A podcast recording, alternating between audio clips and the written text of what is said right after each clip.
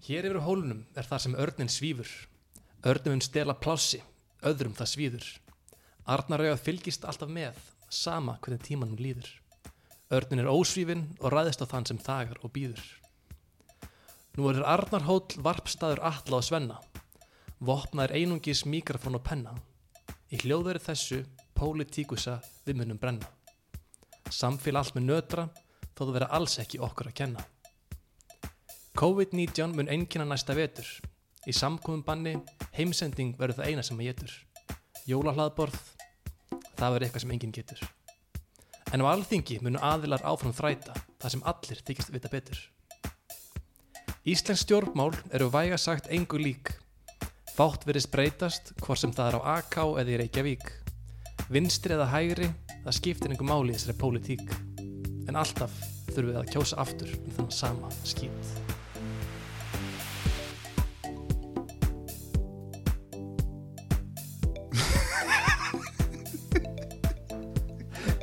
Gekkjaði ljóða allir Það er ekki.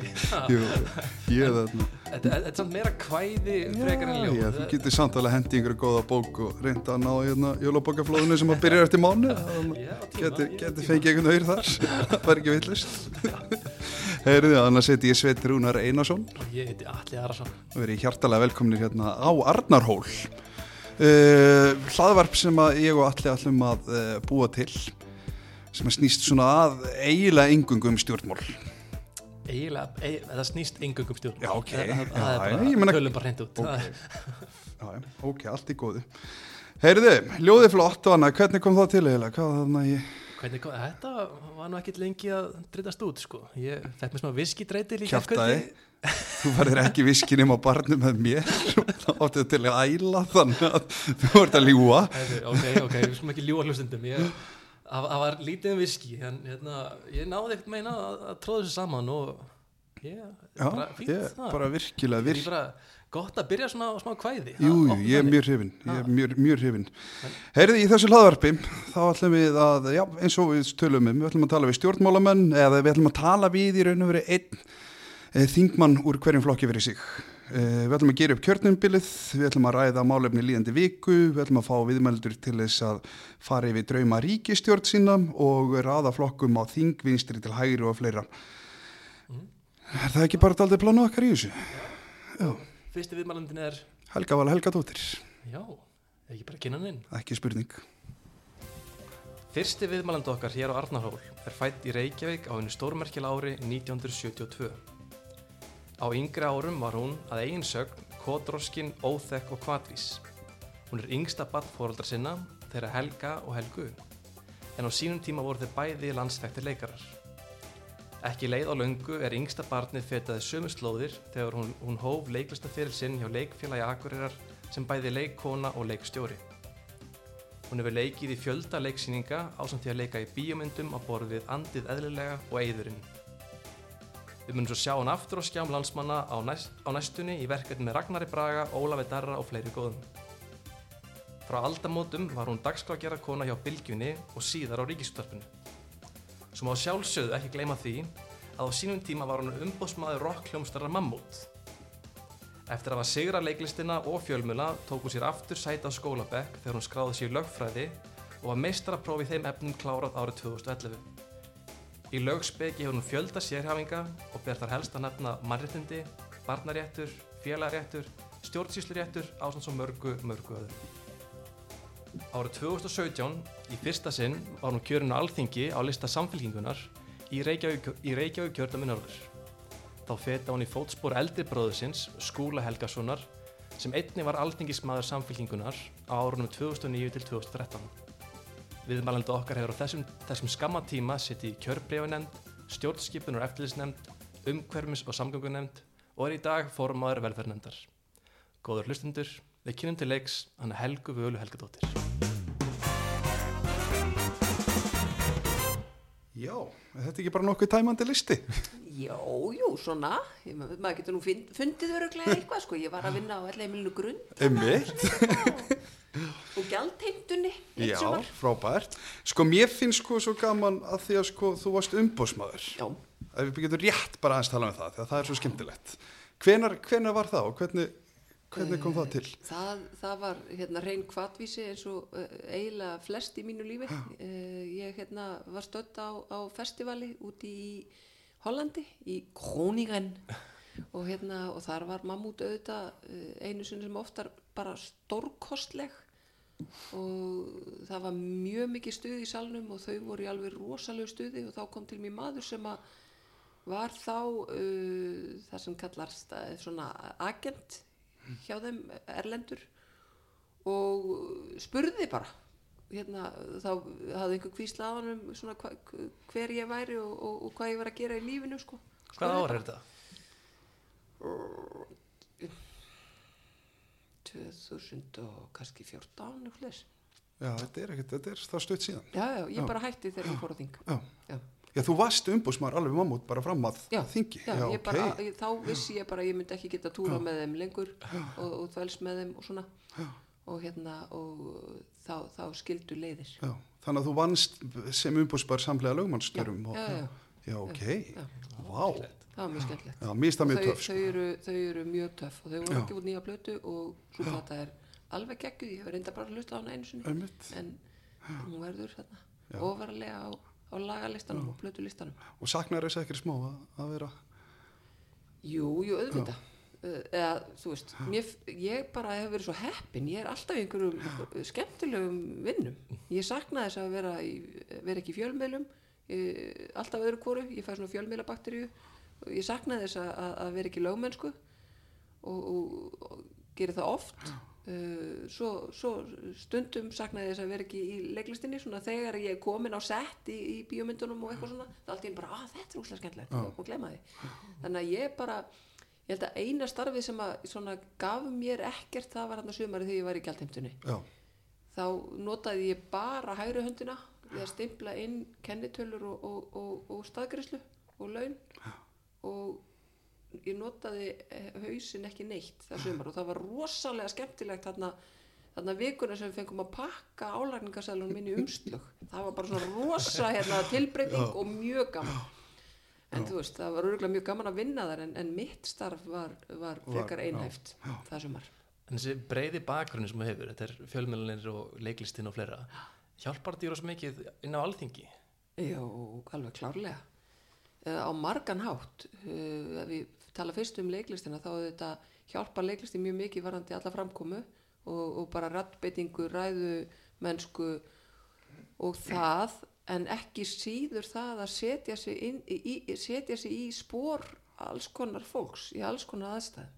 Því það er auðvitað það sem við erum að vinna með alltaf og þá þarf maður hvort vekkja að geta sett sig í spór þeirra sem að, sem að minna mega sín sem eru einhvern hátt undir í, í, í samfélaginu en líka þeirra sem að, sem að hérna, til dæmis bara eru, eru vondikallin sko. Og, og hérna að því að ég ólst upp við það að, að pappi minn hann lék alltaf vondakallin í öllum bíómyndum og, og leiksýningum svona yfirleitt og, og þá þurftum maður að þá skinjaði maður það fljótt að, að þetta var, hann var ekki vondikallin því hann var náttúrulega undursamlega blíður maður. En hérna þannig að hérna en þú verður samt sem leikari að setja þig í spór viðkomandi og, og reyna átt að því af hverju. Mm. og svo reynsla nýtist mér svo rosa vel í lögmennskunni líka að geta einmitt sett sig í þessi spór alls konar fólks, í alls konar aðstæðum og ég held að þessi bakgrunnur og þessi svona kannski pínlítið svona abstrakt hugsun að hugsa út fyrir bóksið nýtist mjög vel í En þingmennskunni er þetta ekki þá eitthvað sem að þú veist allir bara sem að kannski er að taka sæti á þingi ætti kannski að taka bara bara eitthvað smá uh, námskeið áður en þeir uh, taka Fa- sæti og, þarna, og fara á þing að, að, að, taka lítið námskeið til þess að geta náð smá grunn þjálfun Já, sko, jú, auðvitað í, í, í svona ræðumennsku og, framkomu klárlega, en, en ég held að það væri líka mjög gott ef allir myndu taka smá námskeið í, í bara mannfræði og, og að, að hérna, skiknast inn í ólíka, ólíkar aðstæður fólks. Mm. Því að sumir auðvitað eins og bara með samfélagið allt, að þá eru sumir sem að hafa bara aldrei orðið þess áskinja að einhver sé virkilega berjast fyrir lífi sínu.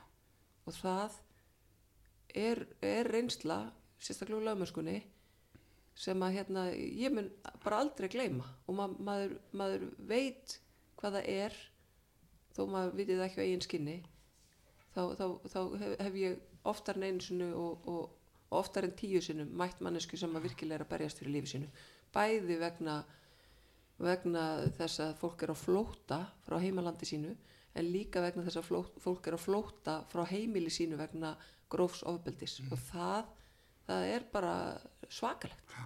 en mjög lærdómsríkt og ég mun alltaf búa því skiljanlega Mhm. en svona aðeins aftur á þarna í með sko, þegar nú hefur ekki, þú hefur ekki leikið lengi per se, en þú ert að leika í einhverju nýju núna, það ekki, samt? Já, já, ég hef ekki, ekkit, nei, ég hef ekkit verið í leiklistinni síðan bara, ég hérna, kom heim frá Breitlandi, ég hefði verið að leika þar Mm. í, í svona farandleikúsi einn vetur og hérna kom heim og þá átti ég vona á, á, á badni, næst elstu dóttur minni sem að veru tvítu í, í februar og hérna og þá átti ég með á því að ég var ekki kannski að fara að, hérna, sækjum vinnu í leikúsinu eh, eigandi vona á badni, Já, þannig að þá trítlaði ég inn í útarpið inn á bylgju og s- sóttum vinnu og, og var ráðinn og fór í beina útsendingu setna sama dag. Já. Þetta var alveg svona sko. Þannig að það er sama kvartvísinn að það var bara, já, hvernig ertu laus? Nú ertu laus núna, ok, herðu, það er hérna síðdeis útvarpið sem að núna heitir Reykjavík síðdeis og þegar ég fór svo í fæðingarálof þá tóku þeir við sem að núna eru með Reykjavík síðdeis þannig að hérna, þeir, hafa verið ansi lengi en, en það hérna já og þá var ég komið þá fekk ég fjölmiðlabakteríuna Já. í rauninni, mér fannst finnast fjölmiðlar og svo vinna mjög skemmtileg. Já, en það er eitthvað efn á leiðinni með Ólafur Darra og Ragnar Braga, það ekki? Jú, og Vikingi, það eru Vikingu Kristjáns og Ólafur Darri er, er að leika þarna leika þarna leikara á, á ringferð Já. Og nifti mig og báðum um að koma í einhver smá senu. Það er bara skemmt, að það er bara æðislega skiljanlega, það vildi ekki fá smá kaffi, Jú, það ekki takk, ég, er ég er von á þessu algjör kaffi, kaffisvelgur. Veitu hvernig hann vona á þessu efni? uh, það kemur hérna bara einhvern tíðan í vetur held ég, ég þetta er sko, þetta eru sjónvastættir ég held að þetta sé stöðtvö. Æðislegt, mjög gaman, æðislegt. En svo er þessi mikla leikara fjölskylda sem þú tilherir og eins og segja, bæði mamma en og pappiðin voru leikarar. Já. Og það er Helga, Helga og Helgi. Já, var ekki, var ekki rugglingur heima fyrir já, nei, ég heiti Helga Vala. Það, það var er bara eiginlega eitt. nafn og hérna og mér sér þegar ég er ávörpuð Helga þá oft bregst ég ekki við því að Helga var mamma. Það var Já. svo mikið þannig þannig að hérna að ég sko stundum skrifa þetta bara í einu orði. Já. þá heyri ég það valla mér finnst það eitthvað svo formlegt og skrítið sko. En ég er bara Helga Vala en svo ferðu svo ferðu úr leiklistinni ferði, ferði lögfræði. Já, nei, úr fjölmiðlum fjölmiðlum í lögfræði. Já. og lögfræði ferður svo inn á þing uh, en hvenær, hvenær byrjaði svona stjórnmálar póliti, áttu, svona áhugin ég menna þú varst einhver viljandi VFG einhver tíman uh, Já, ég sko var ráðinn sem svona uppákomustjóri í kringum á kostningar ef afgið 2003 þá var maður minn þar og hann var í frambóði og ég var bara ráðinn í vinnu þannig í þessari kostningabaratu uh, ég, þú veist uh, gengdi engum trúnaðastörfum þar inni eða neitt slíkt. Ég svona uh, stutti vafki um tíma en þau eru um, svona full íhaldsum fyrir minnsmekk Já. og, hérna, og þess vegna tengdi ég illa við það sem, að, sem að er í gangi þar.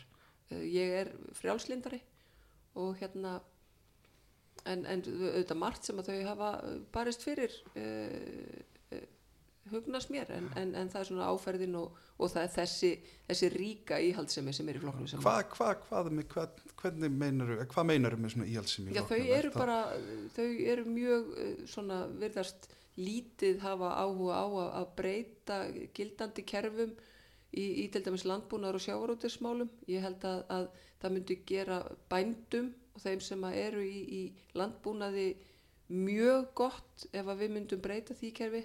Uh, kvótakerfi sömu leiðis, þau eru íhaldsum varandi stjórnarskrána, uh, þau eru íhaldsum í, í alþjóðlegu samstarfi og, og svo auðvitað tók steinin úr í rauninni eh, og svona ofinberað þetta í fyrra þegar, fórsetis á þeirra uh, svona lagði á sig likku til þess að, að ræða í þaula uh, mannanafnalög sem að voru til umræði í fyrra sem að henni, henni þótti mjög mikilvægt að viðhalda henni forneskjulegu mannanafna nefnd og mér, mér fannst það bara mjög sérstakt en, en það svona síndi einmitt og svona, já, það er svona lítil byrtingamind af, af því hvað þessi flokkar eru raun og ólíkir.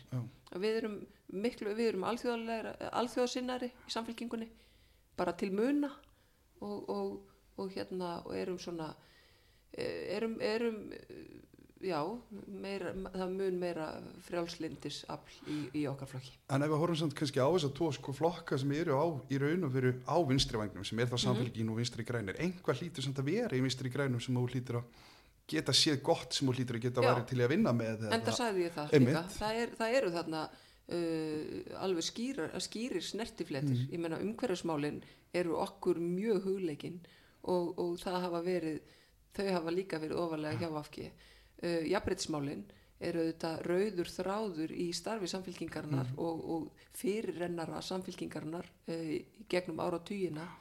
Þessi flokkar auðvitað koma úr sama umhverfi. Þegar samfélkingin er stopnu þá var það uh, tilraun til þess að samena vinstri flokkana.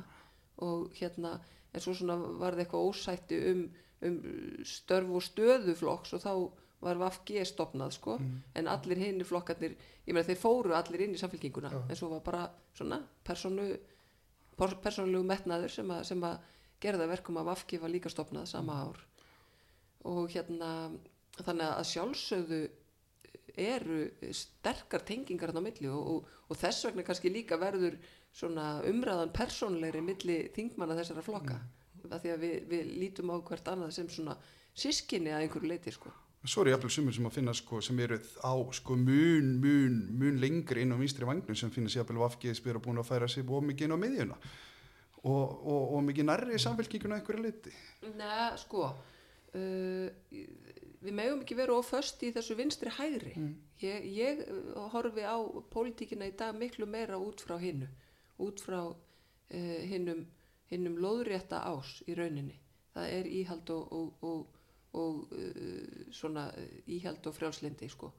Af því að, að uh, þetta með vinstrið það, það hérna uh, það sem að hefur verið kallað sem vinstri það fer víða í rauninni. Og, og hérna eins og til dæmis bara ímis velferðamál sem að hafa verið mjög ríkjandi hjá okkur í samfélkingunni uh, að sumir flokkar sem að jafnvel skilgreina sér hægra megin uh, eru farin að taka upp eins og til dæmis viðreist sem að uh, já og þetta eru svona þetta eru svona málefni sem að, sem að í gegnum áratugina hafa alltaf flokkast sem vinstrimál þannig að hérna, já, og sjá þetta svolítið í ríkistöndunni í dag. Þetta eru svolítið svona íhaldslegi flokkar sem eru og ef við berum að saman við þar á undan þegar hérna, stiðista ríkistöndunarsamstarf sögunar bært framtíð hérna, við reysn og sjálfstaflokkur þeir eru öll hægra með miðju en það gekk ekki vel nei. Nei, nei, það var ekkit út af uh, málefnalegum ágreiningi, það var bara út af hérna uppreist ærumáli uh, svona sem að, sem að hérna sprengdi þá ríkistjórn og svo svona spilling sem að, sem að kom upp á auðuborði í því máli. Að það, það auðvitað hefur ekkert með pólitík að gera. Er en það er það oft þannig, ég menna það hefði líka verið þannig í, í, í ríkistjórninu á undan henni hjá, hjá sjálfstæðarflóknum að það er ekki, það er ekki málefnalegur ágreiningur sem sprengir þá ríkistjórn heldur um eitt spillingamál Svo ferðu sko, svo þarna ég vilja kannski suma það meina að þú hefur séð ljósið eða annað og farið þarna ég eftir hennan stuttatími vafki, þá ferðu, þá ferðu beint inn í samfélkinguna eða, já, já. Já. Uh, ég hérna byrjaði í rauninni að vera virk þar held ég svona 2006-7 uh,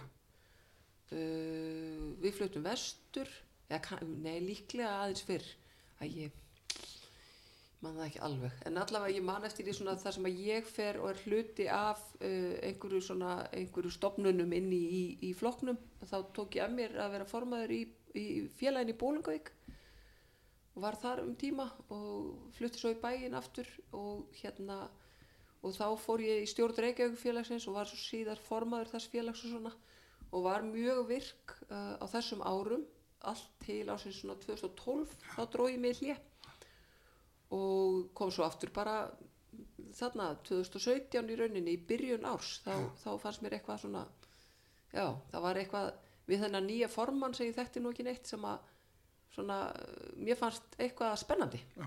hérna, þá var Lógi Einarsson orðinn formaður og það er þessi listræna taug sem að ég talaði um hérna sem að einhvern veginn laðaði mig að. Já, og hann kemur raun og verið líka daldi eins og þú inn að mjög sko með mjög skömmun tíma þar að segja þú veist inn í landspolitíkina eins og hann, hann einhvern veginn dettur sjálfur inn sem formaður einhvern veginn þannig sé óvænt eða ekki?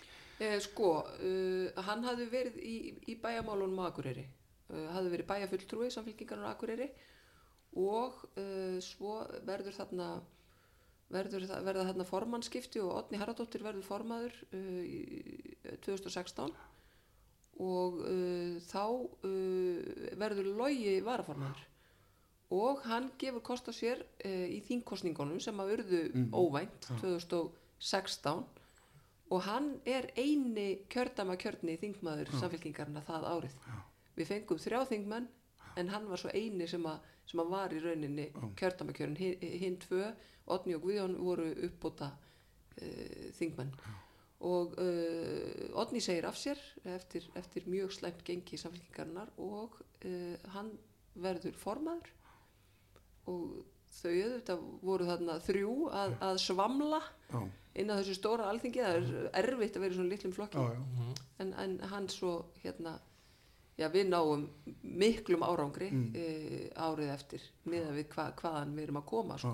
Og ég held að það hefði líka verið kannski bara, bara veist, það að, að það var svona nýtt fólk sem að kom til þessu samfélkinguna þannig og ég hef fulla trú á því að það verði aftur að ári já. af því að ég finn það bara, það er stemning og það er fullt af öflugu fólki sem að vil vera með Já. En þú dettur inn á þing 2017, Já. kemur inn og við þarna, ég, veist, mér finnst einhvern veginn, eins og ég allir við talað um og vorum að tala um, þú veist, mér finnst einhvern veginn og þú hafi samt verið í pólitíkinni og í raun og veru verið inn á þingi mjög lengur en Jæja. þessi þrjú ári í raun og veru, af því að, er svo já, þú ert, þú ert aldrei, þú ert, þú ert duglega að koma þér í umræðan, þú ert duglega að taka þátt í umræðinni og þannig að það sést aldrei mikið af þér, ég meina, Ég vona að það sé ekki leiðilegt. Nei, að nei. að Nei. hugsi bara, ó, nei, alls ekki, en ég en Hún það er að gaman. og jó. ok, ekki, við erum, ekki alveg þánga þetta er ekki alveg þar en, en, en ég meina það er samt gaman að hafa skoðun að þér og fólk hefur skoðun að þér og þannig að þú ert mikið umræðinni þannig að þessi þrjú ár af mínum að það finnst mér þú einhvern veginn vera búin að vera mjög lengur en á jákvæðan hátt Ok, eh, að segjum það en, eins og í rannsóknunum Já. sem ég var að, var að skoða fyrir þetta, þá, þá er til dæmis til Karslu þáttur frá 2013 þar sem þú og Brynn Níelsson er, að- er að rífast um já, að hérna, var eitthvað tengt hérna, kynferðslega ofbeldi veist var það. þetta ekki hæstaréttu dómur sem Jú, við vorum að akkurat, taka stáðum, ég man eftir akkurat. þessu viðtali. og, og þeir hafi lengi einmitt eldað grátt silfur saman og þeir, þeir eru mjög reglulega eins og reglulega í bítinu að træta eitthvað og, og það er persónulega finnst mér alltaf mjög gaman að hlusta á okkur rífast sko. Já, en hérna, var rosalega áhugavert atvik núna í silfrinu um daginn þar sem að hérna, kom eiginlega í fyrst skipti sko, að þeir voru sammálum eitthvað.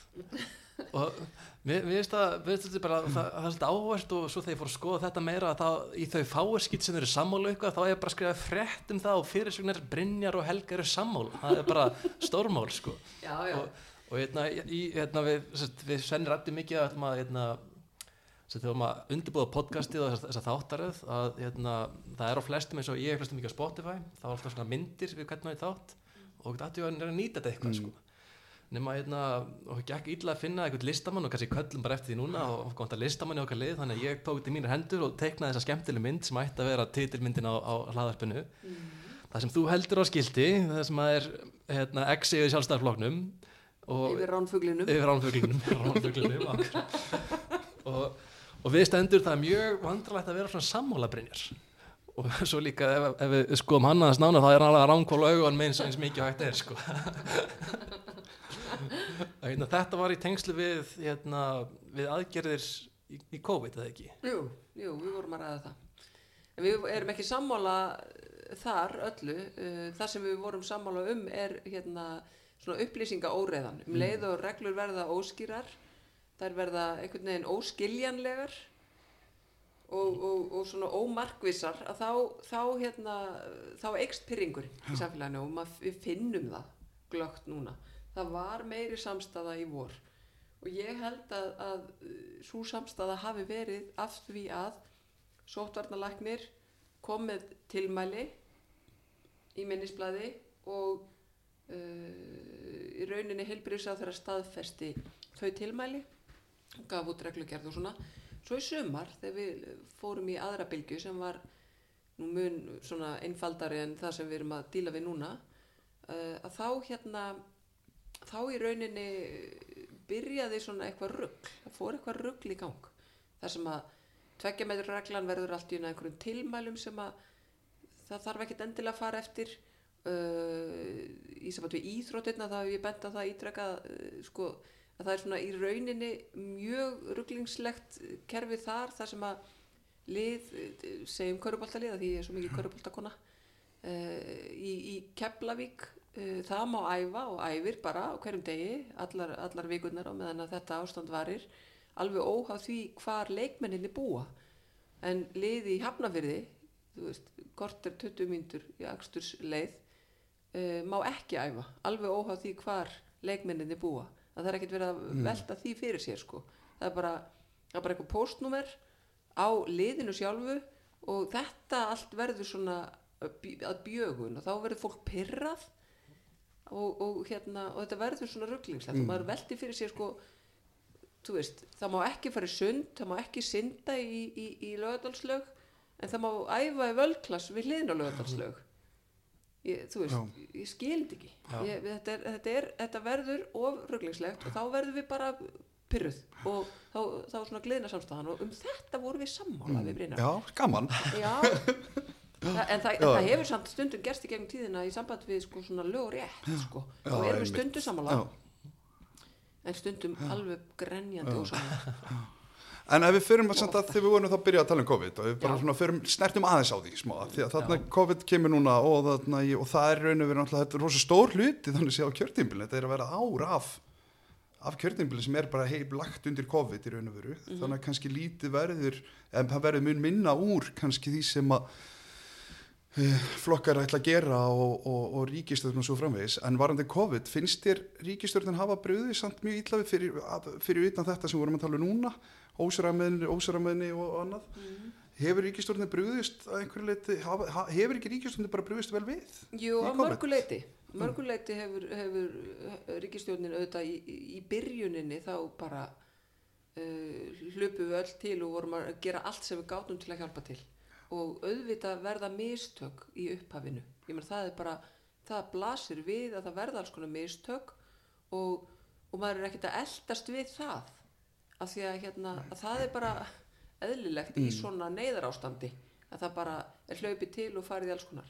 En eftir því sem að mánuðinni líða að þá sakna maður þess uh, sko áþreifanlega til dæmis hvernig ákveðnir hópar eru bara skildir eftir uh, ég nefni sem dæmi veitingagera og það er alveg rosalegt. Og núna kom, komu þau fram í byrjun vikunar eða hvort það verið lók síðustu viku með bara ákall uh, af því að þau fá enga lókunastyrki af því að þeim er ekki þe- þeim er ekki gert að loka. Þau mega hafa opið en þau með tveggja metra millibili uh, með algjörlega lámarks gestum uh, gestum eða íbúum landsins er, er, er ráðlagt að fara ekki út að borða. Já, já. og þú átt að halda veitingahúsunum gangandi á því að fá kannski einn, tvo gesti eða eitt, tvö borð á kvöldi. Og einhvern veginn þá eru stjórnöld ekki að heyra þetta neyðarkall. Og ég hef rosalega miklu áhyggjur af því hvar við stöndum uppi bara í februar Mm. þegar að verða bara, það verður bara búið að skelli lás og þau öll orðin gjaldþróta af því að þannig eru bara mikil menningar verðmæti þetta er mikil, þetta er bæði félagslegt og, og menningarlegt uh, menningarlega mikilvæg fyrirtæki sem að veitingastæðnir eru, þetta er bara upp á okkar, okkar daglega líf og, og þar sem við hittumst og, og njótum að vera saman og, og, og allt það sko. Og að ég- flóran hefur líka stækkar rosalega sístu tíu árum á veitingastöðum Já, og, og veitingamennir er eða sem sett kokkar og, og þjónar og vínþjónar og ég veit ekki hvað barþjónar og fleiri orðin mun mun betri heldur en var, voru nokkuð tíman Já.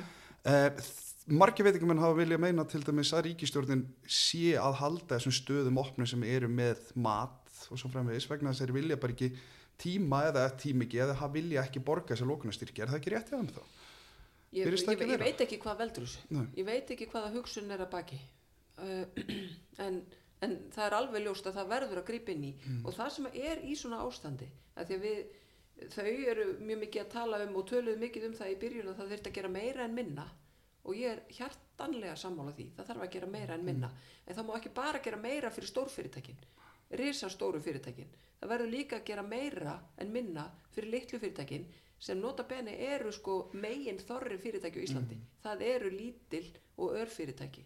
Það er bara, það er sko millir 70-80% fyrirtæki á Íslandi eru í þessari stærð.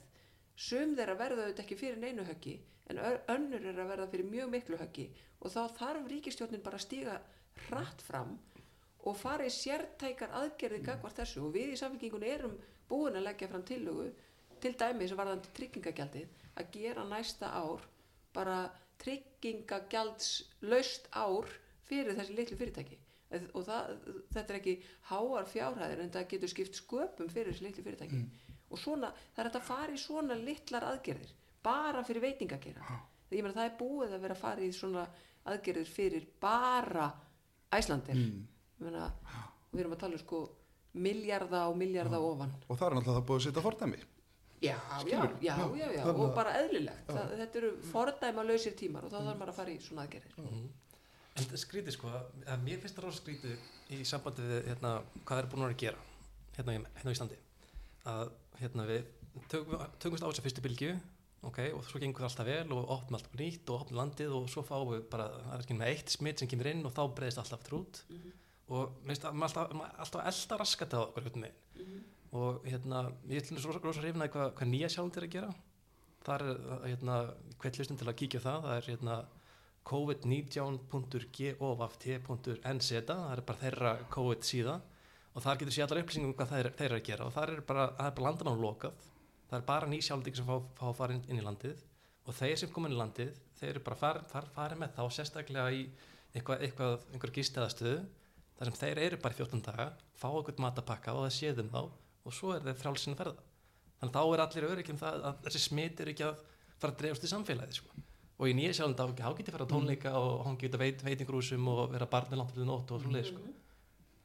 Er- Já, en ég meina Já. manstu þegar, þegar hérna hafa tekin ákvörðun um, um lókun landamæra og hafa það áfram það bara kveiknaði í ákveðnum ferðarþjónustu aðilum og ákveðnum aðilum í pólitíkinni sem, a, sem að letu undan þeim þrýstingi og, og þar eru við enn. Það eru, það eru þingmenn sem eru í alvöru að tala um að þetta þurfi bara að, að, að renna yfir okkur og við þurfum bara að opna landið og leifa þessu bara að flæða. Og ég er bara grenjandi ósamála Já, við erum í forréttinda stöðu að því við erum ekki með land að landamærunum okkar og þetta eru þingmenn þá eins og algjörlega stýrt þessu hverju koma inn inn akkurat alveg og þetta 100% eru þingmenn þá eins og Sigurður og Andersen og, já, já, og mögulega ykkur í og miðflokksmenn Brynjar. og Brynjar já, og hérna og já, já, já.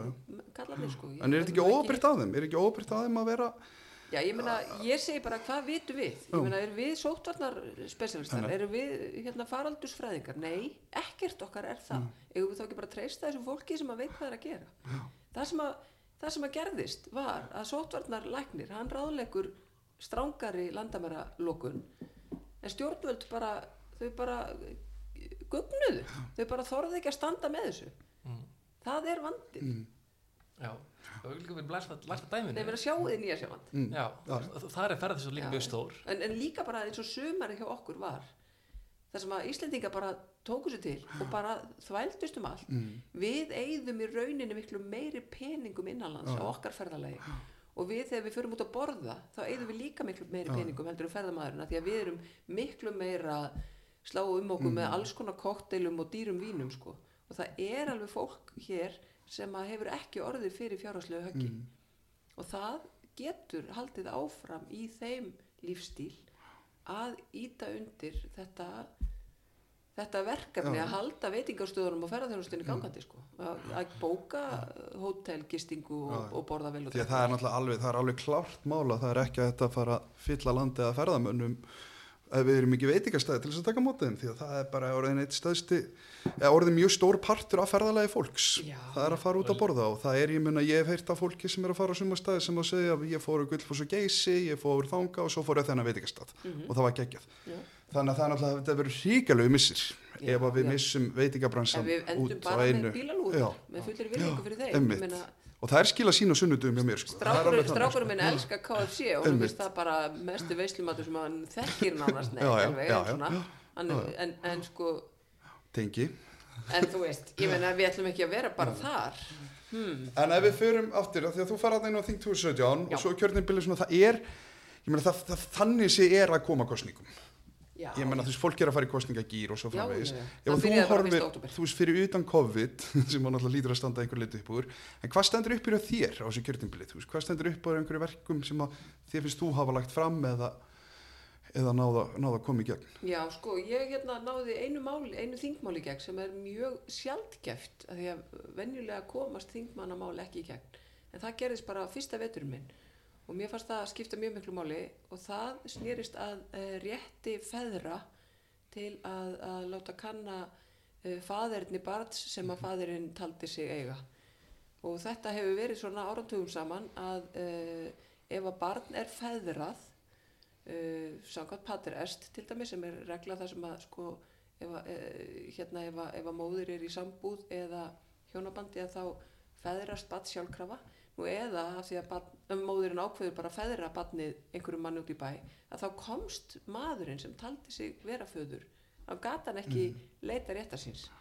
Og mér fannst þetta svo rosalegt óréttlæti af því að uh, ég hafði orðið þess áskynja bara í vinnunni minni, í lögmennskunni hvað þetta er rosalega sárt Mm. uh, ég hafði verið með uh, mál manns sem hafði verið með unnustu sinni uh, í sko maðraskoðunum allt til sjöunda mánuðar mánuðar meðgöngu þá sinnast þeim og hún tekur ákvörðunum að hætta, hætta við að skilja við mannin sem hún var gift. Hún var sem sagt í skilnaðarferli þegar, þegar barnið kemur undir og, og, hérna, og þau eru par þarna í þessum mánuði. Hún ákveður að hætta við að, að, að skilja við mannin sinn og þar með bara lokar á þennan réttmæta föður þessa litla barns.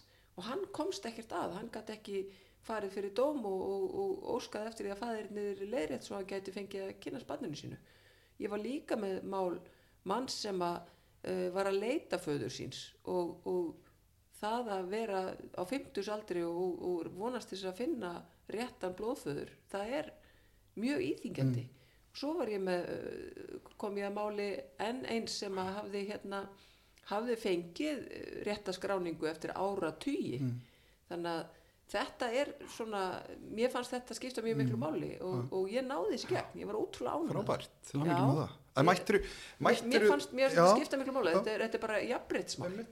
En mættiru einhverju anstöðu við þetta? já, Mættiru, já. ótrúlega satt það eru, e, voru einhverjir sem að, sem að hérna, töluðu um að þetta myndi rugga e, hérna, stöðuleika fjölskyldunar þegar að, hérna, móðurinn er búin að ákveða að rángfæðra barnið það geti ógnað stöðuleika fjölskyldunar ég, hérna, og þurft, ég þurfti að taka bara harða orðarsennu á göngum þingsins til þess að ná þessu gegn.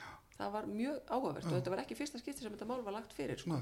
Dögg Pálsdóttir hafði gert það fyrst líka lögmaður en hérna en uh, svona önnur mál sem að standa upp úr á þessu þingi sem að eru ótengt mér það er klárlega uh, landsréttarmálið sko sem að er enn óklárað. Já. það, það hérna var í gangi þarna sumarið áður en ég sest á þing og, og hefur heldur betur uh, verið áberandi á þessu þingi og þetta er auðvitað svona bara faglega Já, skiptir þetta mig máli sem, sem löglæri mannesku að, að það sé skýr greinamunum milli frangatavaldisins og, og dómsvaldsins að, að frangatavaldið sé ekki að vasast í að raða sínu fólki inn í okkar mikilvægu stofnanir sem eru dómstólanir En kom mér á óvart hvað Vafge til dæmis var í raun og veru samtaka sjálfstæðsbloknum í þessu í ríkistjórninni þegar, ég menna þegar ríkistjórnin kemur núna 2017 það er að segja þess að ríkistjórn sjálfstæðsblokks framsóknar og Vafge mm -hmm. hefðir að haldi að Vafge hefði kannski einhvern veginn gert öðruvísi í þessu máli? Já sko þau auðvitað uh, gaggrindu þetta harðlega þegar þau voru utan ríkstjórnar uh, og, og, og gaggrindu harðlega bæði inn í nefndum og í þingsal. Þegar þau hins vegar eru komin í ríkistjórn að þá verja þau uh, dómsmálar á þeirra uh, vantrösti og hérna og, og þrátt fyrir að það það var þeim alveg ljóst nokkur mánuðum áður að hún hafði farið á svig við lög. Og það hefur svo verið staðfest af öllum dómstólum innanlands og uh, mannriðið dómstólum Evrópu. En við býðum ennþá eftir yfirtildinni sem að vendanlega kemur núna á, á næstu vikum. En hérna þá allt í hennu voru allir nema tveir þingmenn vafki á því að það væri mikilvægara að halda sér að halda hérna þessum dómsmálaráð inn í dómsmálaráðundinu uh, út af ríkistjórnarsamstarfinu það voru rökin. Og mér fannst bara þetta prinsippleysi alveg svakalegt sko. fyrir mér er þetta grundvallar atriði að, að póli, flokkspólitíkin sé ekki að raða sínu fólki á inn í dómstóluna það er bara svo, það er bara svo agalegt. Það bara má ekki. Og er svona- svona bandarískerfi þar. Eða skilur, við erum já. komin bara þangað sko. en þar er það bandarist Já. þar er það sko, þar er það viðurkent. Þar er það Já, já, þar er það akkurat, já. eðlilegt. Það er bara þannig Já, er stjórnskipanin hjá þeim. En hún er alls ekki þannig hjá okkur. eða að minnst okkur á ekki að vera þannig. nei. á ekki að vera þannig. Og það er meiri segja sko Ólöf Nordal heitin, hún fór í það að hérna að passa upp á að, að þessu er þið breytt. Og gott ef ekki að Ragnar Átna hafi byrjað á þessu þegar hún var dósmálaráð mm. að minnst okkur þá, þá var passa, jú, það var Ólöf sem að passaði upp á að að þetta gæti ekki gerst. En svo kemur bara flokksýstirinnar næst á eftir henni og hún bara veður þannig um eins og fýll í postinspor hvar stendur máli núna hjá mannréttindumstólum? Hvar, það er búið Það- að flytja, flytja máli það var í februar og ég var að fylgjast með því í Strasbourg. Það var mjög skemmtilegt og það er bara beðið niðurstuð að tala um oktober-nóvember þannig að við erum þar. Býðum bara spennt, þetta fyrir að koma. Já, mm ekki spurning. Hvað segir allir? Já hérna, ég segi fínt sko, Það já. hérna, sko mér, þú hoppar svolítið, ég var ekki alveg búin að hérna, klára COVID-ið sko. Nú. eins leiðileg umræð og það getur verið sko. Já, það við la- það bara. Við klippum ekki neitt, þetta er allt live hérna, Mér langaði að spyrja því Helga hvað, hérna, nú að því núna eru svolítið tvær fylkingar yfir hvort fólk vil harðar aðgerðir eða engar aðgerðir og segjum bara að við stillum sem á skala frá 0 til 10 að harðar aðgerðir séu 10 og engar aðgerðir séu 0 og við erum 5 í dag hvor áttina með þær upplýsingar sem við fengjum á undarförnu og allt sem við gerum, hvor áttina myndið þú vilja fara í? ég, hérna, ég held ég segi bara fimm uh, ef að fimm er það sem að, að sóttvarnarlæknir er að, að uh, praktísera Mhm. Þá held ég að ég vilji bara fylgja honum Já, og líka ef hann fer í 10 eða ef hann fer í 0 þá Já, fylgir hann í, líka í rauninni af því að ég, hérna, mér hefur fundist hann bara vera uh, nokkuð skynsamur, ég er ekkert alltaf sammúlunum ekkert endilega. Mhm. en ég veit ekki neitt. Ég er bara lögmaður og leikona og ég kann ekkert á uh, faraldursfræði eða sótvarnir og þá ámaður bara að hafa vit til að, að hlusta á þá sem að vita eitthvað. Þannig að mér finnst það skipta máli að hlusta á það, það, hans ráðleikingar hann til dæmis ráðlaði stjórnvöldum að opna ekki líkamsættastöðar núna. Við erum í þannig samfélagi að það er alveg rosalega lítið mál fyrir okkur að stunda líkamsrækt án þess að vera inn á stöðum. Við getum verið úti, við getum verið út í garði við getum verið heim í stofu bara hvar sem er, við getum bara farið út í göngutúr út að hlaupa, gert arbegur það fyrir eftir bara hvað, á hvaða styrk maður er hvar maður er í, í þessu. Maður getur borið gangstjættahellur þið vitið, ef maður er, er kraftajötum eða, eða, eða velt bíldekkjum. Þið vitið, það er, við þurfum ekki að vera þarna inni og auka á smithættu í samfélaginu. Það var upp á, upp á skaga bara í síðustu viku. Það var bara einhver sem fór í rektina og það var bara smitt út um allt. Hvað vil sér þetta? Já, já. En ætti þá ekki vera af dálítið hverju þannig fylgdi að- ekki stjórnvöld því sem að hann sagði? En ætti ekki þá bara vera þannig að Þórólfur skilir sinni tilugum og það er eiga bara að standa? Að það eigi ekkert að breyta þeim að ráð þeir í raun og verið eigi bara að Já, það þurfa allavega að vera rík, ríkar ástæðu fyrir því að fara frá því sem að hann segir. Og ég, mér fannst þetta skrítið. Mm. eiginlega bara alveg mjög skrítið mm. því að e, það er ekkert efnahagslegt fyrir samfélagi þarna inni.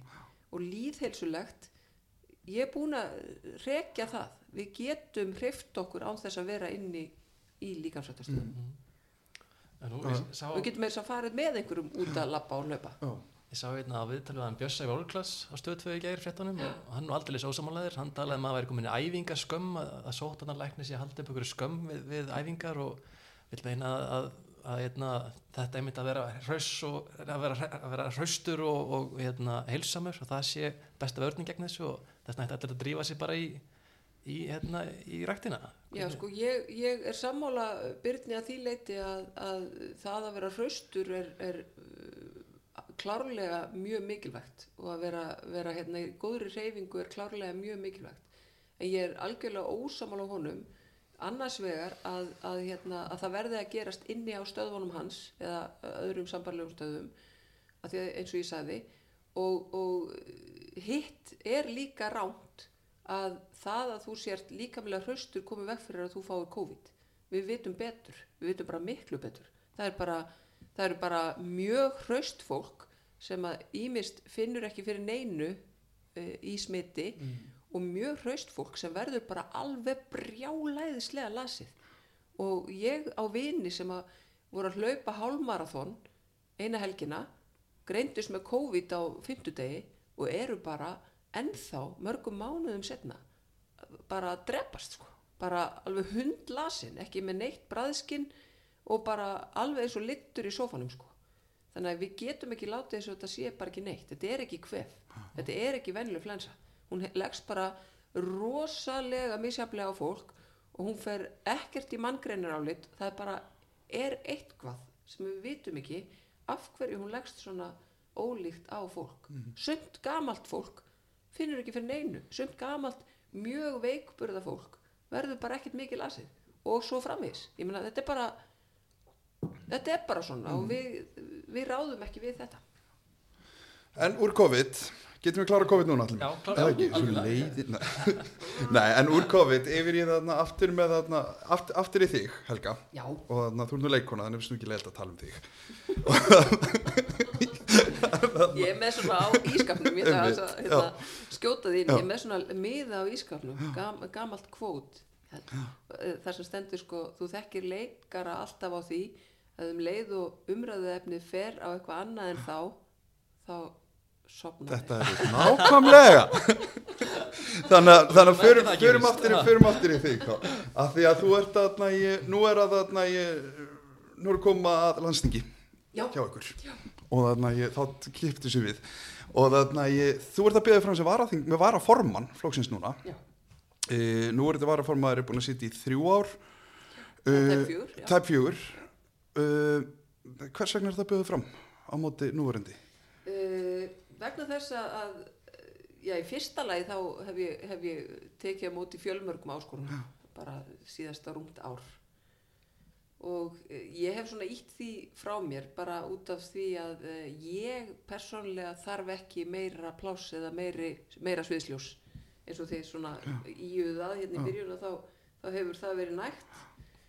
Þannig að þetta er ekki svona persónlegu metnaði minn að verði varaformaður í einhverju stjórnmálaflokki en hins vegar er ekki hægt að, að, að neyta því að fóristan gæti verið sterkari. Ok, og við erum að fara í mjög mikilvægar þingkostningar sem að ég líti á sem svona einhverju af það mikilvægastu sögu flokksins uh, og hérna af því að við auðvitað nánast turkuðumst út fyrir ekki svo lengur síðan, fyrir fjórum árum.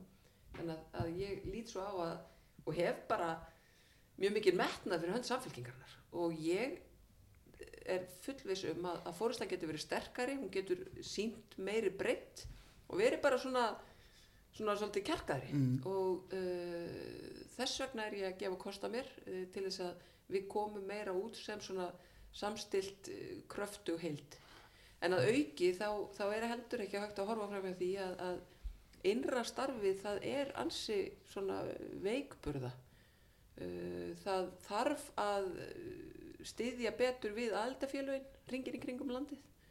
Þau eru sum hver mjög öflug en sum hver eru bara of veikbyggð og, og veikburða og ég lít svo á að, að hérna að ég geti mögulega uh, hnoðaða lífi í, í þau og, og virkja þau betur svona á næstu mánuðum til þess að þau séu vel tilbúin til þess að fara í kostningabaratuna næsta haust. Þú talar um sko hérna, auka samstöðuna og koma sér sterkari heild gæti þetta samt ekki farið þveru og átt, gæti ekki verið að rugga bátnum og mögulega, við sjáum það núna að það er einhver innan, innan flokksins að, að styðja þig og einhver styðja heiðu, gæti því skapað tvær fylkingar? En ég meina, þetta er líraðislu flokkur og ég horfi á, á þáttöku í stjórnmálum sem bara hópverkefni. Og við í hóp, eins og ég hef stundu sagt við krakkana mína, þau eru bæði e, köruboltafólk og þau stundur sitja á bekknum og eru hundfúli yfir að fá ekki spila fleiri mínútur af því að hérna, þeim finnst að þau hefðu átt að fá meira plás inn í þessum leik og þessum leik. En þá þarf maður að horfa á hvert verkefni er hverju sinni. Uh, stundum eru þau að keppa á móti KR og þá þarf þennan leikmann frekar heldur en annan og svo framvegis og framvegis. Þetta er alveg eins í uh, pólitíkinni. Þú veist, þú notar ekki Gilva Sigursson í allar stöður sko. við skiptumst á og þetta sko að rugga bát í líðræðislegum flokki þegar tveir eru í, í, í frambóði það er einhvern veginn fyrir mér er það alveg óskennalegt en það er kannski líka af því að ég lít ekki á þetta svona persónulega. Ég á ekki stöðuna fyrsti þingmaður samfélkingarinnar í, í öðru reykjavíkukjörtaminu það er bara því að uh, það þótti henda á sín tíma fyrir þremur árum að setja mig þar svo veit ég ekkert hvað flokkurinn ákveður að gera næst. Kannski vil flokkurinn að það sé einhver annar í minnistöðu næst. Og þá er það bara að því að flokkurinn metur það svo að það sé sterkast fyrir sig skiljiði. Ég, ég, þú veist, ég bara einhvern veginn þetta er ekki svona mikið persónulegt metnaðarmál hjá mér hvað mig varðar. Ég bara hugsa um þetta út frá floknum það sem að er, gerir flokkin sterkari. Og samstæðan ég menna það er það er mjög eðlilegt þegar eru tveiri frambóði að einhverjir séu fylgjandi því að einn haldi áfram mm. eða sé og einhverjir séu hinum einn, ég meina En nú eru margir og mögulega kannski hinum einn sem hafa tala og ég hef heyrt margir að tala um það að það sé sko sterkar átt fyrir flokk að hafa sko varaforman sem er að sinna öðrum störum en á þingi eins og nú er heiða borgarfulltrúi hefði ekki verið nærtækara bara að styrkja hana, styðja hana betur og, og, og, og styrkja hana til starfa Jú, jú, það getur vel verið að, að einhverju finnist það. Hún mm. er auðvitað búin að vera þarna varaformaður uh, í næstu fjögur ár og staðan er þessi að, að uh, það er mörgum sem að finnst fóristan okkar ekki nógu sterk. Og það er ekki hægt að horfa fram hjá því og það er ekki hægt að blása þar rattir uh, Logi er uh, formaður og, og hann er mjög vinsæl formaður. Mm. og hann, hann, það er alveg skýrt. Þannig að, hérna, að þá er það spurningin ætla maður að, að styðja við hann frekar og gera hann ennþá sterkari eða ætla maður bara að lefa þess að vera svona að þess, þessar rattir það er ekki hægt að horfa fram hjá þeim og svo er heldur ekki hægt að horfa fram hjá því að að innrastarfi það er, hefur verið vanrægt mm. og það eru þetta varaformaður sem að bera ábyrð á því uh, Hvernig hérna, hefur það vanrægt? Já, ég, þau, það eru bara of mörg aðeldafélug sem, sem að eru bara þau eru bara að sopna eða eru sofandi og þau hafa ekki orðið þess áskenni að það sé mikil áhugi fyrir þeirra starfi og það, þetta er ekkit, ekkit persónulegt gagvart núverandi varaformanni, þetta er bara svona og þá þarf maður að horfa, er maður til í að fara og, og blása lífi í þetta og, og vera með smá stuð og stemningu og þá er það bara þannig ég meina, hver, hver, er, hver, hver er til í að hlaupa hraðar sko mm.